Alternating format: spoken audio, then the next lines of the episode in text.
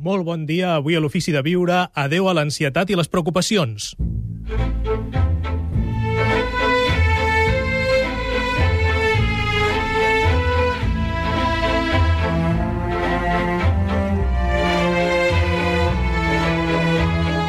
Gaspar Hernández, l'Ofici de Viure.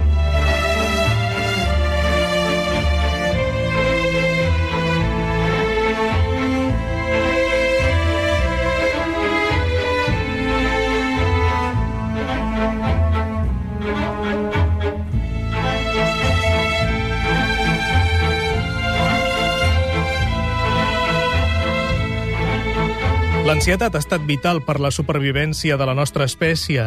És una de les emocions bàsiques dels éssers humans i com a tal té una missió, augmentar la nostra activitat fisiològica per posar-nos en alerta davant de possibles amenaces externes i mobilitzar-nos, si cal, per l'acció. Diu Pilar Varela, al llibre Ansiosamente, que l'ansietat és una emoció positiva perquè dirigeix els nostres recursos i atenció a allò que ens preocupa.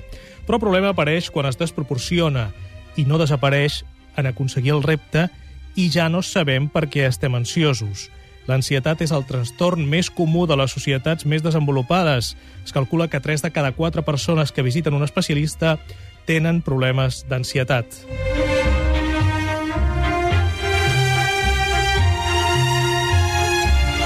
Per ansietat s'entén un malestar emocional amb una viva inquietud respecte a un esdeveniment futur – apareix en situacions d'amenaça o perill, acompanyada de por, preocupacions i tensions.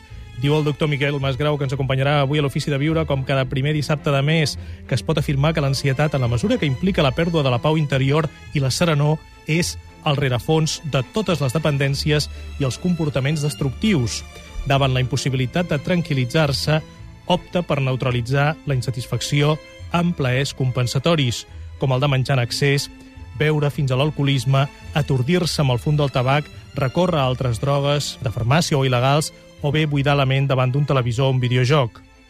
Buda i les savies oriental ens parlen de purificar la negativitat de la ment, perquè la ment és la gran transformadora. La seva riquesa no es mesura per la quantitat de coses que emmagatzema, sinó per l'espai lliure, l'aire que hi circula.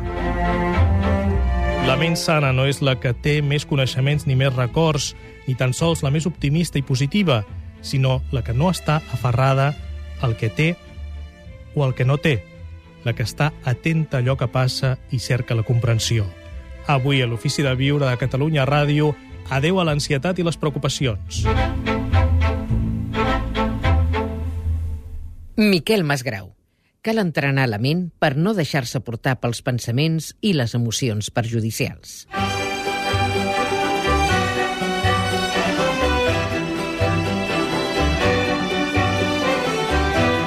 Buen día, soy Mónica Esgueva, autora del libro Cuando sea feliz, que ha salido hace pocas semanas en España. Yo empezaría por recomendar que no demos tantas vueltas a las cosas. Pensamos en círculos obsesivos. Nos ocurre algo y no somos capaces de dejar pasar, de dejar ir aquello que nos ha ocurrido. Establecer un poquito más de control sobre lo que pensamos, un poquito más de distancia, dándonos cuenta que ponernos en el peor de los casos no ayuda. Y el peor de los casos casi nunca ocurre. Y si ocurre, ya lo pensaremos cuando llegue. Pero malgastamos nuestro tiempo anticipándonos a todas esas cosas a las que se pueden torcer y se pueden no torcer también. Entonces, ¿para qué meternos en esa espiral descendiente si realmente no sabemos si aquello va a ocurrir? Si eso se da, si el peor de los casos ocurre, entonces ya nos enfrentaremos a ello. Tenemos todas las herramientas en nuestras manos y sin embargo vivimos siempre anticipándonos a todo lo que puede salir mal. Vivamos un poquito más en el presente, porque se nos escapa y creamos ansiedades inoportunas que nos impiden vivir con plenitud. Yo creo que también tiene mucho que ver con la tal cantidad de cosas que queremos hacer y muchas de esas cosas no son importantes. Tenemos también que, quizá de poner las prioridades en su sitio y no tenemos por qué llegar a todo. A veces, a veces está bien no hacer nada. A veces está bien pararse y reflexionar, tomarse unos minutos en silencio, meditar, pero nos parece que estamos perdiendo el tiempo. Realmente, ¿qué es perder el tiempo? ¿Perder el tiempo es pedalear cada vez más rápido sin ir a ningún sitio? ¿O perder el tiempo es pararse a reflexionar sobre dónde estoy, hacia dónde quiero ir?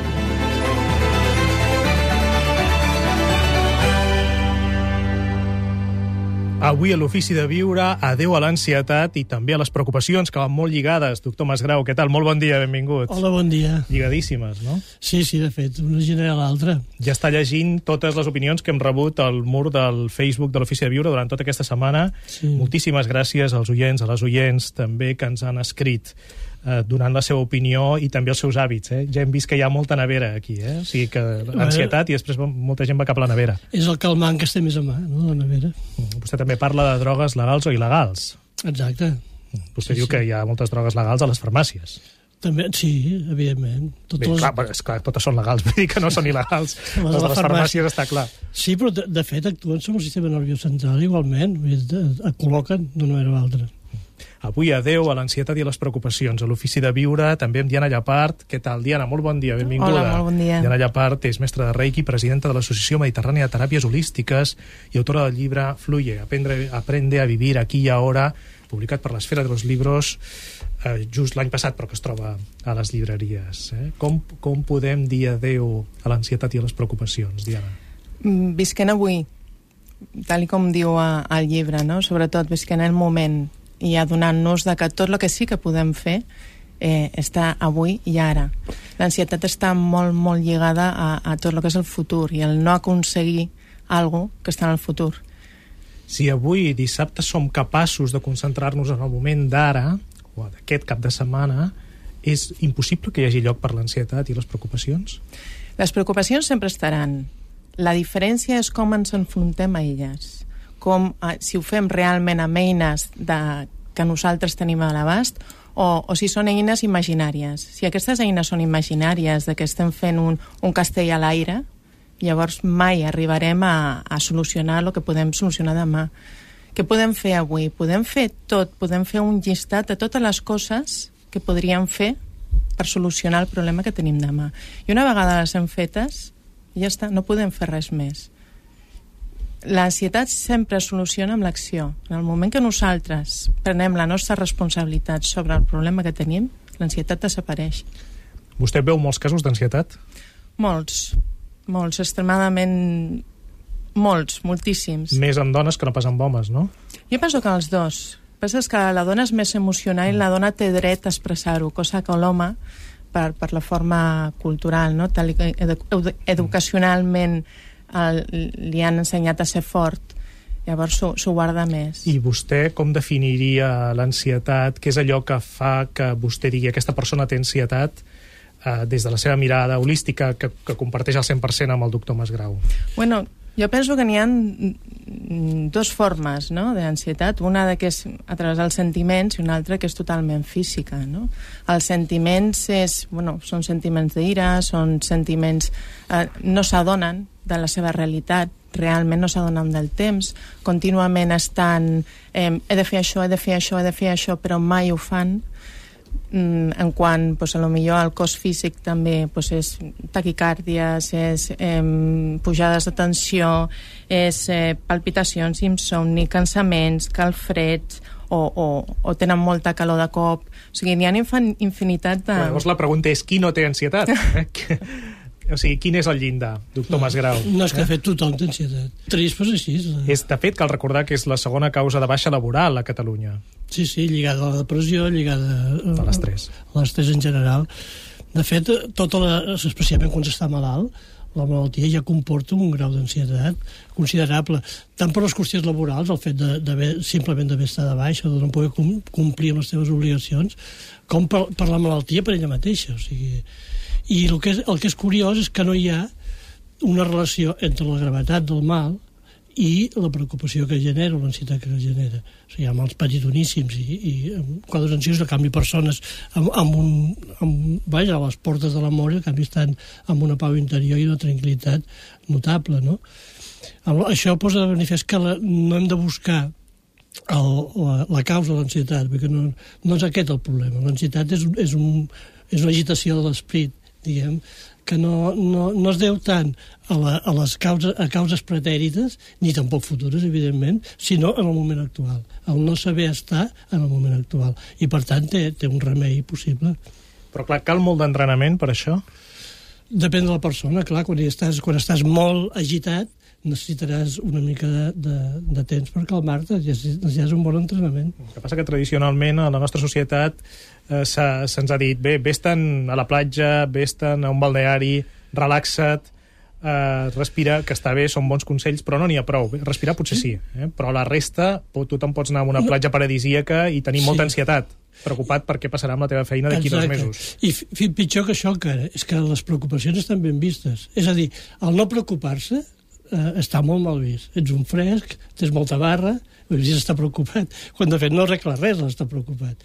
El que, està, el que arregla és actuar, si pots, en funció dels problemes que tens davant. Ah, si no estan al teu abast, i, i evidentment, si són perspectives que t'imagines del futur o problemes del passat, quin sentit té preocupar-se, no?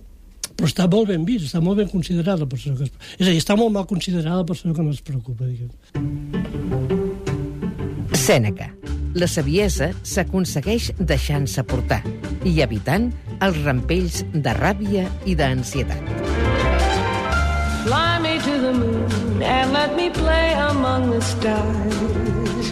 Let me see what spring is like on Jupiter. El doctor Masgrau defensa que hi ha un estat generalitzat, diu, de subsalut mental en què un cert grau d'ansietat i depressió es considera gairebé normal. Per tant, doncs, estem habituats a viure amb ansietat. Però quin és el preu de viure amb aquesta ansietat? Doncs que no vius, que no vius. Aviam, l'ansietat, la, el problema és que agita la ment, i llavors eh, la incapacita per, per, per, per la seva feina normal, que és gaudir de la vida.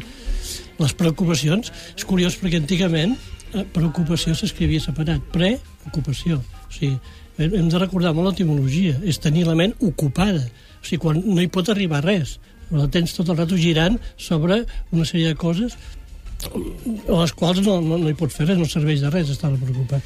Doncs no, no et deixa viure, vaja. La Diana ens deia que una bona solució en aquests casos és fer la llista i tancar la llibreta sí, i bueno. ocupar-nos-en més endavant, no? Diuen que... Jo vaig llegir en un llibre... Jo és que sóc molt dolenta pels noms i no recordo mai els autors, no? Però sí recordo el punt, un punt molt concret que deia de que la ment és incapaç de pensar més de set coses alhora. En el moment de que, són, de que aquestes set ja les té cobertes, passar una vuitena i aquesta, set, aquesta sèptima o aquesta primera de la llista torna a la cua. Llavors eh, es crea com una mena de bucle que contínuament fa pensar la ment. Mm. I, evidentment, no deixa entrar molta més informació, no? vagis on vagis. Llavors, d'alguna manera, si ho escrivim, la ment se'n recorda de que mai mm. tu oblidaràs i que ho tens allà. Una bona idea és simplement fer una llista, no? una llista, prioritzar, i una vegada has començat per el primer, eh, passa al segon. I si has acabat amb el primer, doncs tatxa-ho. No? D'alguna manera també és dir, ho he acabat, això ja està què passa quan ens preocupem pel que sentíem en començar, no?, de la Mònica Esgueva, pel pitjor escenari possible? Mm, és una tàctica. Jo penso que és una tàctica per solucionar l'ansietat. El dir, bueno, eh, i, si, i si passara? Bé, hi ha psicòlegs que ho recomanen, no? De fet, la teràpia breu estratègica em sembla que és posar-se en sí, aquest lloc. Sí, el pitjor, no? Sí. De que mai, com mai arribarà i sempre és portar tot a l'absurd, no? Llavors, quan, quan tu arribes de que sigui com sigui, el pitjor de lo pitjor, el pitjor, no és tan dolent, és quan tu realment tens el domini. Jo penso que, que, que l'ansietat i controlar realment l'ansietat la tenim cadascú. O sigui, és simplement parar-te i dir no, no, si el control el tinc jo. Què és el que em pot passar? Em pot passar això? Realment penses que em pot passar això? I tot arranca d'aquesta premissa, no? El control el tenim nosaltres. Això és molt important, eh? perquè això tothom ho té molt, molt present, és que la, el contingut de la ment depèn de cadascú de nosaltres. Nosaltres som lliures de posar a la ment el que vulguem o no. El problema és que la nostra cultura està tan identificada amb els propis pensaments que no, no, no té aquest distanciament, però a la que et distancies, a la que ets conscient de que tu pots pensar com vulguis, pots aleshores tots aquests problemes desapareixen. Hi ha el que se'n diu la metacognició. Aquest és el terme científic del que en Ricard Rullan eh, fa, ara vindrà, des de fa bé, tota la, pràcticament tota la vida, que és la meditació, que és observar els, els clar, propis clar, és que, pensaments. és que és aquest, és, és deixar, aconseguir distanciar-te i deixar la ment en blanc, perquè en principi l'ansietat no és res més que tensió tensió mental i tensió física. Llavors, per això va també l'exercici, l'exercici en general, i va també tota aquesta, la, la meditació... I la tensió física i... la, la descarregaria vostè com a metge amb exercici. Sí, això és, és el, jo crec que és l'antídot de l'ansietat per excel·lència. Això s'hauria Però fer... jo conec grans esportistes ansiosos. Sí, bueno, també és que pots passar de la ratlla, diguem, no? Però normalment està molt lligat al sedentarisme i aleshores la persona sedentària ansiosa quan fa exercici ja es posa, diguem, ja s'encamina cap a, cap a curar-se l'ansietat. Per cert, doctor Masgrau, vostè que és metge aquesta setmana, no sé si ha seguit el, el cas Guardiola, com si diguéssim, no? Jo era l'última persona que em pensava que tingués una, una lumbàlgia, que pogués arribar a tenir una lumbàlgia. I per què no? Perquè, home, és tan sa, o sigui, tot només desprèn a salut. Sí, és molt equilibrada, és, mentalment és molt equilibrada, però clar, també pateix moltes tensions. Eh, De fet, jo suposo que les, dels oficis més estressats que hi pot haver és l'entrenador de futbol, no? i ell ho viu molt, no? i llavors és normal que, que pugui patar per un, per un lloc o per un altre. No? A més a més diuen de que els nervis, no? els nervis i la por i l'ansietat que Mm. estan reflectits, sí, estan reflectits als ronyons, no? als ronyons i a les glàndules suprarrenals, que són les que estan alliberant l'adre- l'adrenalina totalment. Vostè què li recomanaria a Guardiola? A Guardiola, poques coses No. li puc recomanar jo des Que d'aquí. superés, no, no? Que no Mm. superi. No, que em vingui a veure. Sí. El doctor Masgrau supereix. Per una sessió d'acupuntura. De fet, jo hi he vingut, jo ho conec. Molt bé, una sessió d'acupuntura. Sí, Sí, que vull dir que molt... Aquí el, el, el, recordo que en aquest mateix programa el David Ponce, l'osteòpata, deia que moltes vegades superen aquestes lesions si no cal. Eh? no. I a més, jo crec que és una barbaritat operar-los sense provar abans coses molt més senzilles que Mm. poden funcionar. I les operacions sempre a llarg, a llarg o a mig termini no, no són tan bones. Eh? Àngels Campà, molt bon dia. Bon dia. Àngels Campà ens acompanya com cada primera setmana de mes parlant-nos de les activitats dels Amics de l'Ofici de Viure de Catalunya Ràdio. L'Àngels Campà és professora de la Universitat Autònoma de Barcelona i una de les impulsores d'aquesta associació dels Amics de l'Ofici de Viure que podeu trobar al Facebook. Eh, també recordo que hi ha dues plataformes al Facebook de l'Ofici de Viure, la pròpia del programa, en què ja són més de 10.000, i la dels amics de l'Ofici de Viure, que fan activitats cada setmana arreu de Catalunya. Sí, ara en aquests moments la propera que tenim és el dia 12, que serà un sopar astronòmic, i n'hi diem sopar G astronòmic, perquè es fa a Valldoreig, és molt reduït, només per 15 persones, i llavors doncs amb un observatori en allà i es fan observacions de nebuloses, de la Lluna, Júpiter, una mica tot, i després doncs tothom porta alguna cosa per menjar i es comparteix tot i després treballarem també el dia, la, el dia 26 de març, farem la 27a trobada, que aquesta vegada la fem aquí a Barcelona, a l'escola Arquiris, i descobrirem la, la Gestal, de la mà del Paco Sánchez, de l'Institut Gestal. I una altra última cosa que farem serà el 31 de març, la, la sisena trobada del Club de Lectura, que aquesta vegada ens acompanya en Francesc Torralba, i comentarem un llibre de Schopenhauer que és El arte de ser feliz en 50 regles.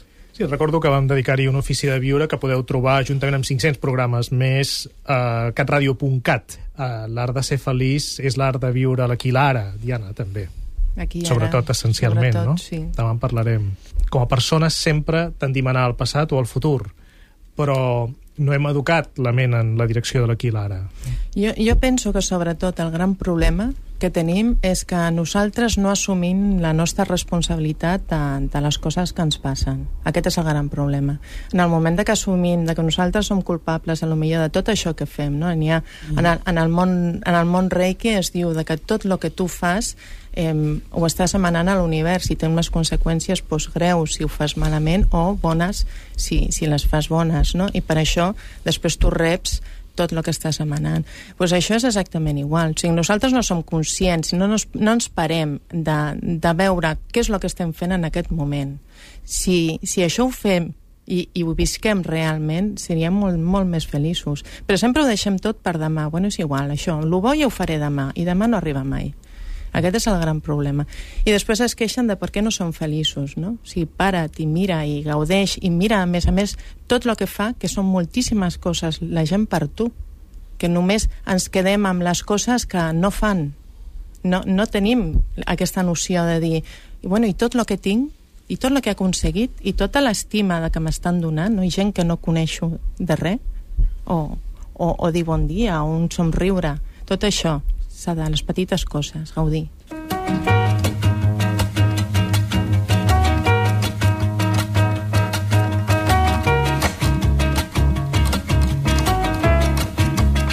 Eduardo Galeano. Uns no dormen per l'ansietat de tenir les coses que no tenen i altres dormen amb el pànic de perdre el que tenen.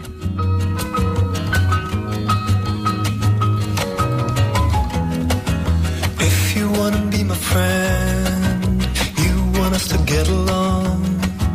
Please do not expect me to wrap it up and keep it there. The observation I'm doing could easily be understood. A cynical demeanor, but one of us misread.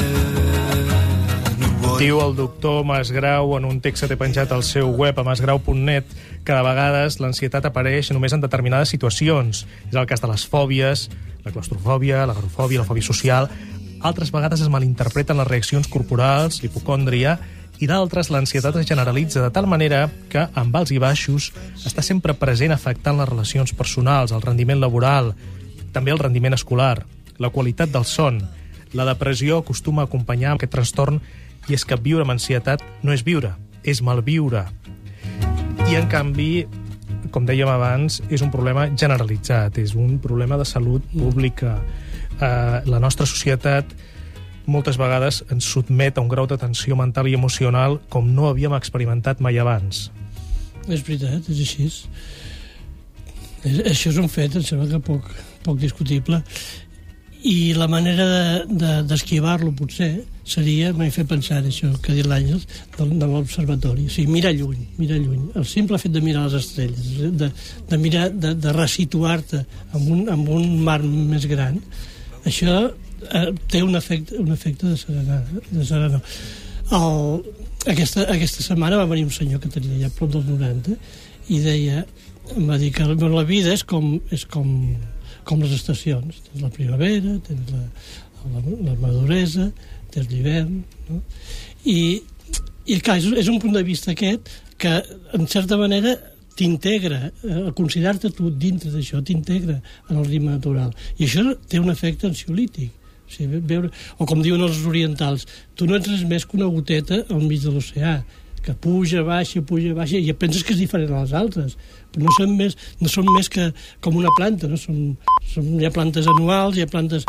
El seu coll es diuen 4.000 anys, i l'ésser humà doncs, dura gairebé un segle, no? I, però no són res més que un, un fruit de la terra que va passant. No? I el, el, el considerar-te així fa que totes les preocupacions, tota l'ansietat, tot això que t'afecta tant, immediatament es, es, es minimitza, no? Que no res. Jo, jo penso, perdó, sí. jo, jo penso que, que aquest és un gran problema. O sigui, no estem pensant mai en global. Nosaltres mai pensem en quan fem una acció de que pugui ajudar els altres. O sigui, si la, la llei de guanyar-guanyar funciona sempre. Si només guanya un, malament rei. Sí, sí, l'efecte terapèutic del donar, per exemple, això és, això, això és fantàstic, el que tu reps. I moltes vegades qui està ansiós està cada vegada pensant més sobre ell mateix, no? ficar-se més dins dels seus problemes, no? i així no se'n surt mai més. Això ho veiem molt amb la depressió. També. Mm. I per això el, el buscar les causes insisteixo, no és, un, no és un procediment massa útil, al contrari, moltes vegades és absolutament contraproduent perquè el que fa és augmentar l'ansietat. El que has de fer és, comptes de ficar-te en dintre quan estàs així, no, i sempre, vaja, avui dia, que, estés, que és una societat tan individualista, pues, mirar cap a fora, vull donar eh, a, què puc fer per l'altre. I el que pots fer per l'altre és el que va millor per tu, a més a més.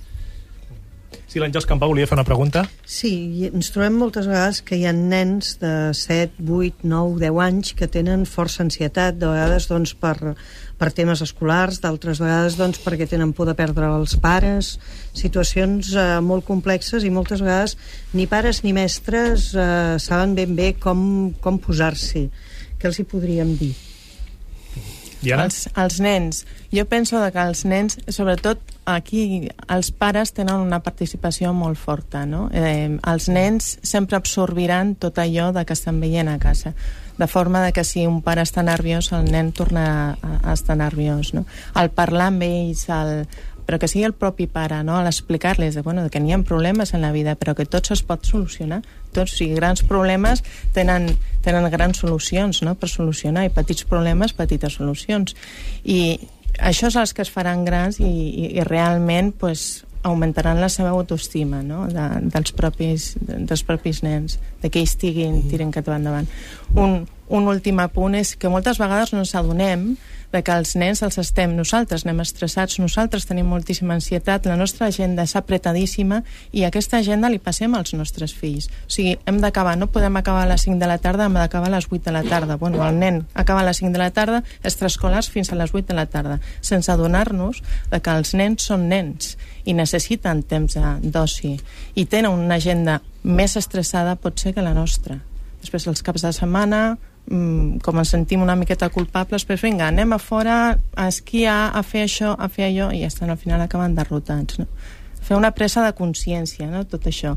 I els nens el que volen és temps amb els seus pares i parlar amb ells i, i, i, i menys DS i Nintendos i Xbox i més jugar a xapes o a cartes i, i, i coses, petites coses d'aquestes, no? Ho sent, Ricard Rullant, vostè no jugava a la Nintendo eh, quan, No. quan era petit. Què tal? No. Molt bon dia. Molt bon dia, Sap, què sap què és una Nintendo? Sí, sí, Molt bueno, no bé. l'he vista mai encara, eh? Ah, no vist molt bé. Seguro, eh? Un dia van quedar precisament amb l'Àngels que aniria a casa seva a fer, Ah, sí? a fer ioga Sí, amb la a fer- Nintendo. a fer ioga amb la Wii. Ah, molt A bé. fer ioga amb Ah, la amb Wii. la Wii, que és diferent, no? És diferent, sí. I què tal va, Àngels? En, encara no ha vingut. No. Llavors, doncs, eh, no, no sé, però ara, jo el que sí que puc dir és que hi han figures que em surten molt més bé eh, fent-les amb la Wii que quan eh, fem ioga a Sant Martí d'Empúries o així, eh? Ja, però no és el mateix, no? No, clar. I què és la Wii? La Wii és una... Aquí estem a la- a les una últimes cònsola d'aquestes que et permet interactives, que et permet veure i, i fer jocs i així amb, amb la televisió. I jo la utilitzo doncs, per fer una mica d'esport i una mica de ioga. I la televisió, doctor Masgrau, és un electrodomèstic. és un aparell, diguem-ne, un mitjà de comunicació. Un mitjà de comunicació. Un mitjà d'incomunicació. Avui a l'Ofici de Viure de Catalunya Ràdio, que per cert, el vídeo havia de matar, us en recordeu, l'estrella de la ràdio. És a dir, la televisió havia d'acabar amb la ràdio i la ràdio té més bona salut que mai. Oh, I tant, i tant. És que és molt millor que la televisió, sense comparació.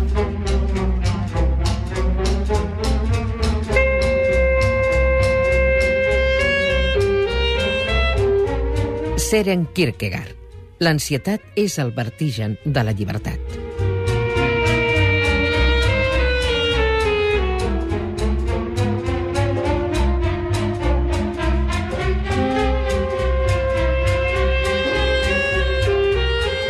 Eines pràctiques, segons el doctor Masgrau, per superar l'ansietat i les preocupacions.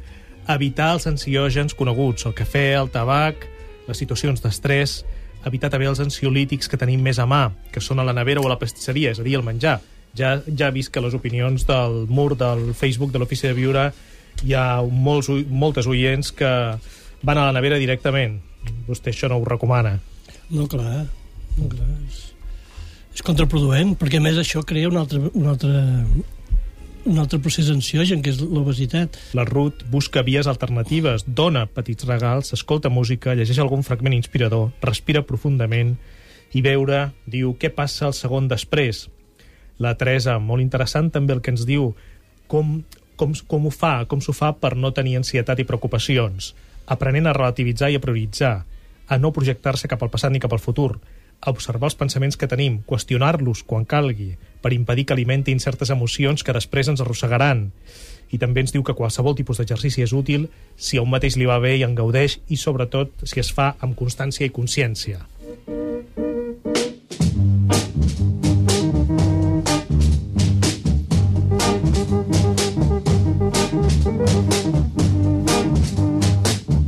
Recorda també el doctor Masgrau que cal tenir en compte que els mecanismes de l'ansietat estan fora del control de la raó i, per tant, en la línia del que ens comentava abans, difícilment retrobarem la calma únicament a través de l'anàlisi d'un mateix.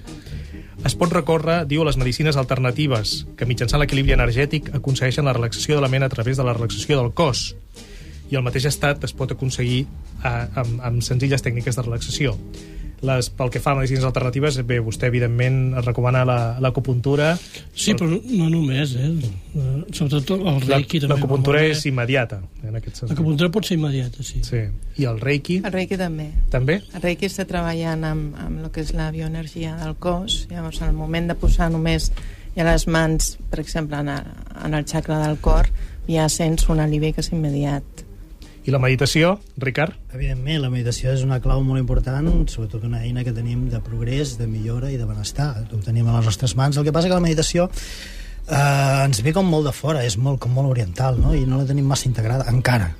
No, però cada cop més. Sí, cada cop més. Vaja, Eh, nosaltres aquí ja eh, fa en quatre fem- anys que ens hi deixem sí, sí, sí. la, la pell i, i tot. Però encara molta gent ho veu com una cosa, eh, diguem-ne, que no és cultural nostra, no? I llavors això a vegades és una miqueta... A la gent li, li, li costa arribar-hi, almenys amb tranquil·litat. Sempre arribes amb, amb idees, amb conceptes concretes i llavors a vegades eh, dius, ostres, doncs eh, quan et poses a meditar veus que, que tot el que tenies al cap no té res a veure amb la meditació, mm. llavors dius, home, tant de bo que hagi trobat la meditació, no? Mm. Però també una eina molt important que tenim dintre del budisme per uh, superar l'ansietat i l'angoixa és uh, sobretot la, en aquest cas deia el doctor Masgaran molt bé que el raonament, la reflexió sobre un mateix no és molt vàlida, però sí la reflexió cara a l'entorn, el que t'emporta els fenòmens, en aquest cas seria contemplar la transitorietat de les coses, la no permanència de les coses, perquè clar, nosaltres quan estem en, en, angoixats o ansiosos amb unes coses, realment és perquè estem molt af- aferrats a les coses i les busquem, les perseguim, no? Llavors, aquestes expectatives normalment no es compleixen perquè hi ha una, una, una, una, naturalesa transitoria de les coses, llavors si la contemplem i realitzem la transitorietat de les coses, doncs no s'entenem eh, cap mena de, de, de trastorn mm. perquè les coses canvin, si, senzillament ho assolirem tranquil o, ho interpretarem correctament tal com són les coses, que són transitòries. És a dir, per exemple, si tenim una rosa, una flor molt bonica, i estem a gust i gaudint d'aquella rosa, d'alguna manera, eh, quan es marceja i comença a tenir un aspecte negre i fosc eh, i et fa fàstic, doncs no et sentiràs angoixat per tenir novament una altra rosa. Tu saps que allò és un procés natural, llavors això, d'alguna forma, et donarà aquesta tranquil·litat de veure i contemplar tot el procés, inclús amb un mateix. Mateix, a l'envellir-se, al canviar, el, trans- tot això. L'Adriana ens explica al mur del Facebook que ha adoptat un mètode contra l'ansietat que li va molt bé. Quan penso que el meu problema, preocupació és gran i no puc amb ell, començo a pensar en els problemes de la gent que sí que té un problema de veritat. Bé, és una mica això és la, això és la compassió, no? Sí, i Ricard? això seria la pràctica que, es diu el prendre i el donar, que és el Tonglen, que va molt bé. És la pràctica que en el llibre que vaig fer de Prenent a estimar està en el CD, que és molt bona, que és agafar, diguem-ne, veure tot el sofriment dels altres, eh, agafar-los en plena compassió i després transformar-los amb amor, enviar tot l'amor amb l'exhalació cap als altres de forma molt lluminosa. La Mary ens diu que l'ansietat és incontrolable, m'és impossible dominar-la. Intento fer meditació i quan acabo vaig buscant qualsevol cosa per menjar. Bon profit. Clar, vostè, Ricard, sempre riu, però abans ja n'hem parlat, no? Ja, ja n'hem parlat. No, no, problema. però, però pensem, pensem que deia molt bé que anar a la nevera directament és, és, pot, pot, ser, pot ser greu. Mm. No només per una obesitat, sinó també perquè no, no tenir disciplina en el sentit de, de, del que menges, doncs el teu cos té una, diguem-ne, una desharmonia. Doncs sempre li has d'estar donant És curiós com, com busquem la tranquil·litat de l'estómac, eh? com si l'estómac està tranquil, Sí, sí. la resta es tranquil·litza. És Per el més fàcil, no? Per això l'acupuntura va també sobre, sobre aquest tipus d'ansietat del menjar, perquè actua molt sobre el sistema nerviós vegetatiu i calma l'acupuntura bastant, d'una manera bastant generalitzada. Ara, per aconseguir la pau d'esperit, hem de tenir en compte que, a diferència del rei i la meditació, que van directament encaminades, l'acupuntura hi, ha, hi ha moltes variants. O sigui, en el seu origen, la, la medicina antiga xinesa sí que, que anava directament aquí. Però ara, avui dia, avui dia l'acupuntura és una tècnica gairebé occid- occidentalitzada a Xina també, eh? I aleshores és una eina que es fa servir per tractar coses, per tractar mal de cap, per tractar... Saps? Llavors perd, perd aquesta, aquesta direcció, diguem, que li dona aquesta energia psíquica, diguem.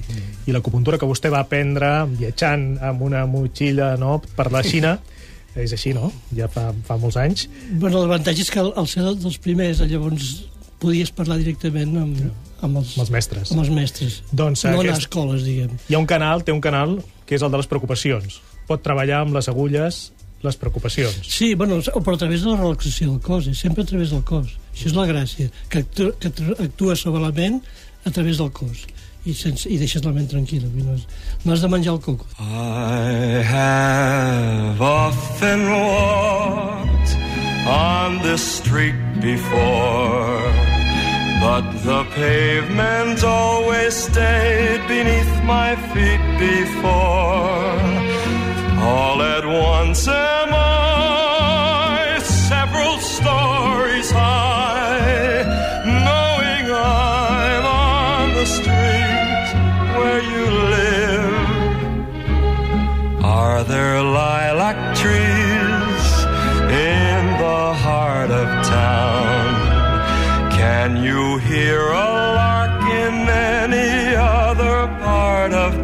L'Ofici de Viure a Catalunya Ràdio tenim programes d'altres temporades dedicats a l'ansietat més severa, als atacs d'ansietat. Com podem saber si hem patit un atac d'ansietat? Eh, en alguns casos hi ha persones que et diuen evidentment no tinc cap dubte, em feia la sensació que em moria, que tenia un infart, i d'altres que tenen dubtes de si han patit un, un atac d'ansietat. Diana. N'hi mm, n'hi ha diferents estadis. O sigui, n'hi ha atacs d'ansietat que són més lleus i n'hi ha eh, atacs d'ansietat que són brutals, simplement caus. Què fa el cos quan a l'estrès ja no aguanta més? Simplement es desconnecta. Llavors cau, es desmaia i torna. És, és com un reset. Però no cal arribar a aquest extrem. No, no arribem. Arribem, si us plau. Quins són els, a lo millor els, els, mm, els primers um, pistes físiques, diguem, que són les que més es noten, no? les sentimentals o, o, o de sentiments o, o d'ira, això és, és més complicat a l'adonar-te, sobretot la persona que està estressada. No? Pues què podem sentir? Són palpitacions, no dorms bé, o tens moltíssim son, sempre estàs cansat, eh, tens calfreds o tens molta calor, o sigui, els dos, i combinats entre si. O sigui, de repent tens fred, de repent tens calor, ets incapaç de concentrar-te en res, estàs constantment dient eh, estic, estic molt enfeinat, tinc molta feina, però no, no comences i acabes res. Comences mil coses, però ets incapaç d'acabar-ho. No tens una visió, una perspectiva clara de què és el que s'ha de fer del teu dia a dia. Inclús no veus a la gent, ni escoltes a la gent. Tu vas i vas, vas a pinyón fijo i, i, i evidentment et, per, et perds absolutament tot. És incapaç de sentir empatia, a lo millor, però inclús dels teus propis fills, no? Són petites coses, nàusees, em, em, problemes estomacals, problemes de diarrees o problemes d'estrenyiment. Mm, sobretot, és, vius en un món irreal. Tu et veus irreal i veus que tot el teu voltant també és irreal i que és com un... estàs vivint com en, enmig d'un son, no? Aquestes són petites pistes... Per saber si tenim ansietat. Sí, eh? tenim, sí. Diferents graus, evidentment. No cal tenir-les totes, no? Pobre, el que les tingui totes caurà de peus, no? Però, però són... O ens costa respirar, respirem molt aceleradament, per exemple, caminem molt ràpid en passos molt curts, molt curts, parlem molt ràpid, Sí. En aquest sentit, te torno a dir el mateix que deia abans amb el doctor Masgrau. Hi ha algú que no tingui ansietat? Eh, És que és ha- necessària. Jo penso que és necessària fins a un grau, no és el que es diu l'estrès positiu. És, és el que ens fa activar-nos i anar cap endavant i moure'ns i tenir objectius. Sí, però símptoma diferent. Ens pot ser útil, Sí. Ricard, el ioga. El ioga és molt, molt útil perquè, bueno, parlem que físicament parlant, no, no parlem d'aspectes mentals, però en aquest sentit, físicament parlant, genera el que són moltes endorfines. Les endorfines produeixen una relaxació física i un sentiment d'alliberació del dolor. Bàsicament, mm, tota la interpretació física de la- de l'ansietat moltes vegades és de dolors i altres eh, malalties. Per exemple, eh, fa poc tinc una, una alumna que ha tingut un problema molt greu amb la feina i ella no tenia res, venia a classes i li ha agafat una, una ansietat molt gran i llavors se li ha manifestat amb una complicació a la. No? I llavors això, eh, treballant en el ioga, li va ajudar molt, no? perquè li va, li, va, li va funcionant i li va treballant i amb aquestes substàncies físiques que li va ajudant al cos, que després la ment ho interpreta també, és a dir, eh, de, de la ment, de la, de, de la malestar perquè tenia per la feina, se li ha traduït en el cos, però ara treballant al cos li va traduint amb la substància, amb endorfines i de més, li va eh, manifestant també en la ment, és a dir, és Clar. un procés així de, diguem-ne, de... D'anada i tornada. Ah, exacte. Clar, clar, quants mals que vostè veu, doctor Masgrau, són causats per l'ansietat, però en canvi el diagnòstic oficial mai serà d'ansietat, no? Sinó que serà mal de no sé què, d'esquena. Però això ve de l'ansietat. Sí, sí. Sí, sí. I, eh, de fet, l'ansietat acompanya tots els mals. A vegades és més important, a vegades està la mateixa gènesi del, del dolor, i altres vegades simplement és un mal més orgànic, perquè també l'acompanya l'ansietat, però l'ansietat és omnipresent avui dia, en una consulta d'un metge. Àngels Campà, amics de l'Ofici de Viure de Catalunya Ràdio, constituïts com a associació des de l'any passat, si algun oient s'hi vol afegir, vol fer-se'n membre, vol ser simpatitzant, com si fos un partit polític, què ha de fer? Que no és cap, cap partit polític. No. Uh, és molt, molt fàcil, molt senzill. Es tracta d'enviar un correu electrònic a info arroba amicsdeloficideviure.org. I el Facebook? Al Facebook posar Amics de l'Ofici de Viure i ja els hi sortirem nosaltres directament. Sí, suposo que en Jordi ho és. De, Mare de Déu, dels primers que, que hi van aparèixer, sí. sí, sí. Què tal, Jordi Llavina? Bon dia. Bon dia, bona hora a tothom. Bé, bé, tot bé, tot bé. Ansiós? Uh, no, no, jo no, no, soc, no, no, soc una, no, no soc una persona ansiosa ni neguitosa, no, no. Bé, doncs et convidem a escoltar una meditació o com podem fer aquesta meditació a casa pel nostre compte amb en Ricard Rotllant per evitar l'ansietat i les preocupacions. És a dir, un exercici pràctic de tot el que hem dit durant aquesta estona. Molt bé, doncs ens podem asseure primer còmodes. És important que el nostre cos i la nostra ment, ja que són una mateixa cosa, estiguin en perfecta harmonia. En aquest cas, asseu amb una postura que t'ajudi amb l'esquena recta. També procura que la teva motivació sigui precisament aquesta, la de sortir d'un mal moment, en el cas que tinguis una ansietat intensa, i també si assoleixes una guarició completa, doncs dedicar també els teus esforços perquè els altres puguin sortir-se'n. El que et anirà molt bé ara és, en principi, fer aquesta contemplació de tu mateix, de la teva postura, de la teva actitud, i també de la respiració, tractar d'identificar energia universal amb la respiració, manifesta en el teu cos. Tracta, però, primer de, evidentment, notar-la molt clarament en el teu cos i després anar obrint la ment perquè no estigui eh, bàsicament centrada només en la respiració, en el moviment muscular del diafragma i altres, sinó que la teva ment vagi veient que tot l'univers està carregat d'aquesta energia i que com tu, com el teu cos es manifesta en la respiració, amb la resta de l'univers també produeix tot un canvi, una transformació constant. No hi ha res que estigui quiet. Això és molt bo perquè tot és un procés natural. Llavors tu identifica't amb aquest procés natural i deixa que la teva ment es vagi relaxant, contemplant ara l'entrada i sortida de l'aire pel nas, relaxant el teu cos profundament, enviant-li llum, i deixant que tota l'energia negativa vagi sortint amb l'exhalació, fent que la teva ment es quedi alliberada de preocupacions, de ferraments, a la permanència, de pensaments eh, nocius contra tu mateix, o de no saber interpretar totes les coses com es manifesten per fora, donar-los una interpretació errònia, allibera't d'aquests conceptes possibles en la teva ment, deixant-la alliberada, tranquil·la, molt en pau, en pau en si mateixa, en pau en tot el que t'envolta, en pau en tothom. Deixa que l'angoixa, l'ansietat vagi sortint amb l'exhalació. Queda't ple de pau, de tranquil·litat i dedica tot aquest benestar perquè tothom realment pugui sentir aquesta plena harmonia amb tota la naturalesa.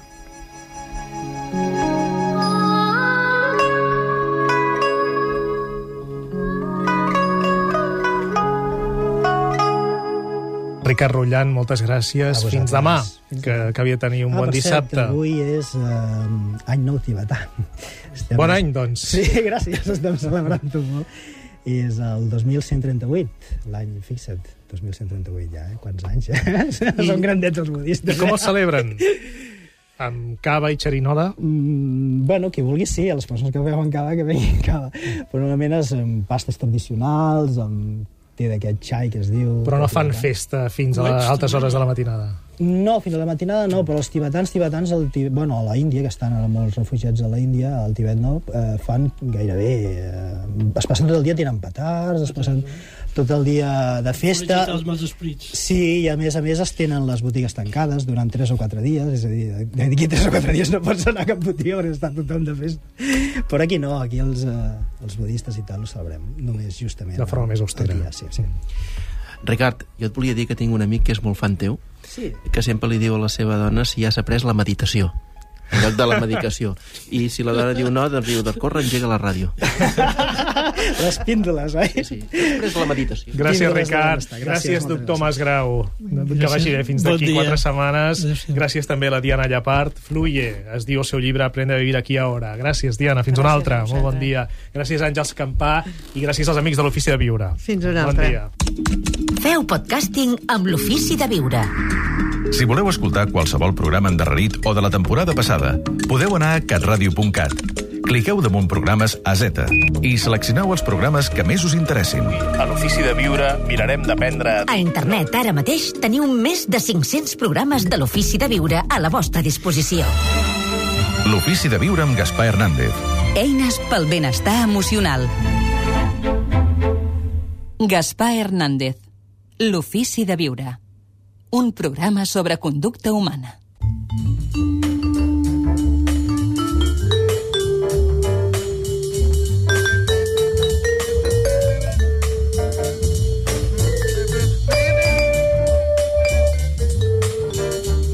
Fa sis mesos que estic separada després de 20 anys de matrimoni. De cop i per una casualitat descobreixo que el meu home tenia un amant, molt més jove que ell. He de dir que feia temps que la situació no es podia aguantar, ja que estava sempre de molt mal humor, però jo pensava que era motivat per la seva feina, que no li anava gens bé. Vaig anar descobrint moltes coses, ja que en cap moment per part d'ell he pogut tenir un diàleg, perquè sempre s'ha tancat en banda a parlar d'aquest problema. A causa d'això li vaig plantejar la separació, però ell no deia res. Fins que jo li vaig dir que ja no aguantava més. Doncs bé, ell va marxar de casa, tinc constància que segueix amb aquesta noia, però quan parlo amb ell només sap dir que no té feina i que no sap com sortir-se'n. Però quan li pregunto alguna cosa relacionada amb la noia, segueix no volem parlar del tema. Jo sento que l'estimo i intento ajudar-lo tant com puc, perquè està molt enfonsat, ja que econòmicament no pot tirar endavant. Ho ha passat molt malament, però no li tinc cap rancúnia. Jo sé que ell està malament també pel que m'ha fet i sé que emocionalment no està bé. Tinc la necessitat d'ajudar-lo, de trucar-li, de veure'l, però sé que ell està molt incòmode quan em veu. Faig bé en intentar ajudar-lo o això ens fa mal a tots dos? Perquè ell es tanca en banda a parlar de la seva relació. Una forta abraçada, Lluïsa. Lluïsa, una forta abraçada. El nostre correu electrònic és viure arroba catradio.cat. Podeu enviar els vostres correus també amb pseudònim i respectarem, evidentment, l'anonimat. Doncs som-hi. Uh, el que escrius, uh, Lluïsa, t'honora, uh, perquè en cap moment tu no ens dius com estàs, eh? només t'aboques a ell, dius que l'estimes, que estàs disposada a ajudar el teu exmarit. Però la meva opinió, fixa't que no dic el meu consell, eh? la meva opinió és que te n'hauries de uh, distanciar, que hauries de ser com a mínim molt prudent. Jo recomanaria que te'n mantinguessis al marge. Eh, em sembla que ell no et demana estrictament ajut, però és que, a més a més, ell està amb un altre. Ell ha iniciat una, una nova relació, no forma part de la teva vida. Mira, en el llibre que hem citat diverses vegades aquí, Les mujeres que aman demasiado, de Robin Norwood, eh, l'autora fa una prolixa tipologia de caràcters femenins que abracen eh, causes perdudes per, per raons molt diverses. De vegades, escriu, la dona ha rebut molt poc afecte i tracta de compensar indirectament aquesta necessitat insatisfeta proporcionant-ne ella, especialment a homes que sembla que n'estan mancats. Lluïsa, analitza't bé, analitza per què et proposes de fer el que, el que vols fer, no? Segurament em diràs, bé, doncs, doncs perquè l'estimo, perquè no li tinc rancúnia, com avances, i això em sembla incontrovertible. Però una cosa és molt certa i molt important i, i, i molt dolorosa. Ell no hi és. Ell es va aferrar a una altra noia. Jo no sé si tu encara el veus com una possibilitat de, de, de, de formar parella amb tu, si creus encara en la, la reconstrucció d'aquesta parella, o si en canvi ho fas de manera absolutament desinteressada, com ho faries per un altre amic. Si és així, endavant. Si és de la primera manera, és a dir, si encara penses que aquí pot haver una, una bona relació per reconstruir, crec que t'equivoques. Diu Chateaubriand que l'amistat nodreix moltes més il·lusions que l'amor i són molt més duradores. Uh, tu mateixa. Jo mm, me'n mantindria severament al marge. Què diu la psicoanalista? Molt, molt interessant el que diu. Diu que d'entrada va aixecar una cella quan va llegir que la nostra oient volia ajudar la seva ja no parella, i no només això, sinó que, a més, parella ara d'una altra. Així que una cella. Diu que tot això sona a pobret, és que està molt malament i em necessita. I aquest mecanisme de rebaixar l'altre és per sentir-se ella una mica més poderosa, però al capdavall és un mecanisme de defensa nociu. Jordi Llavina, que acabis de passar un dissabte plàcid. Igualment. Demà, a l'Ofici de Viure, la felicitat no té preu, a la una del migdia. Moltes gràcies.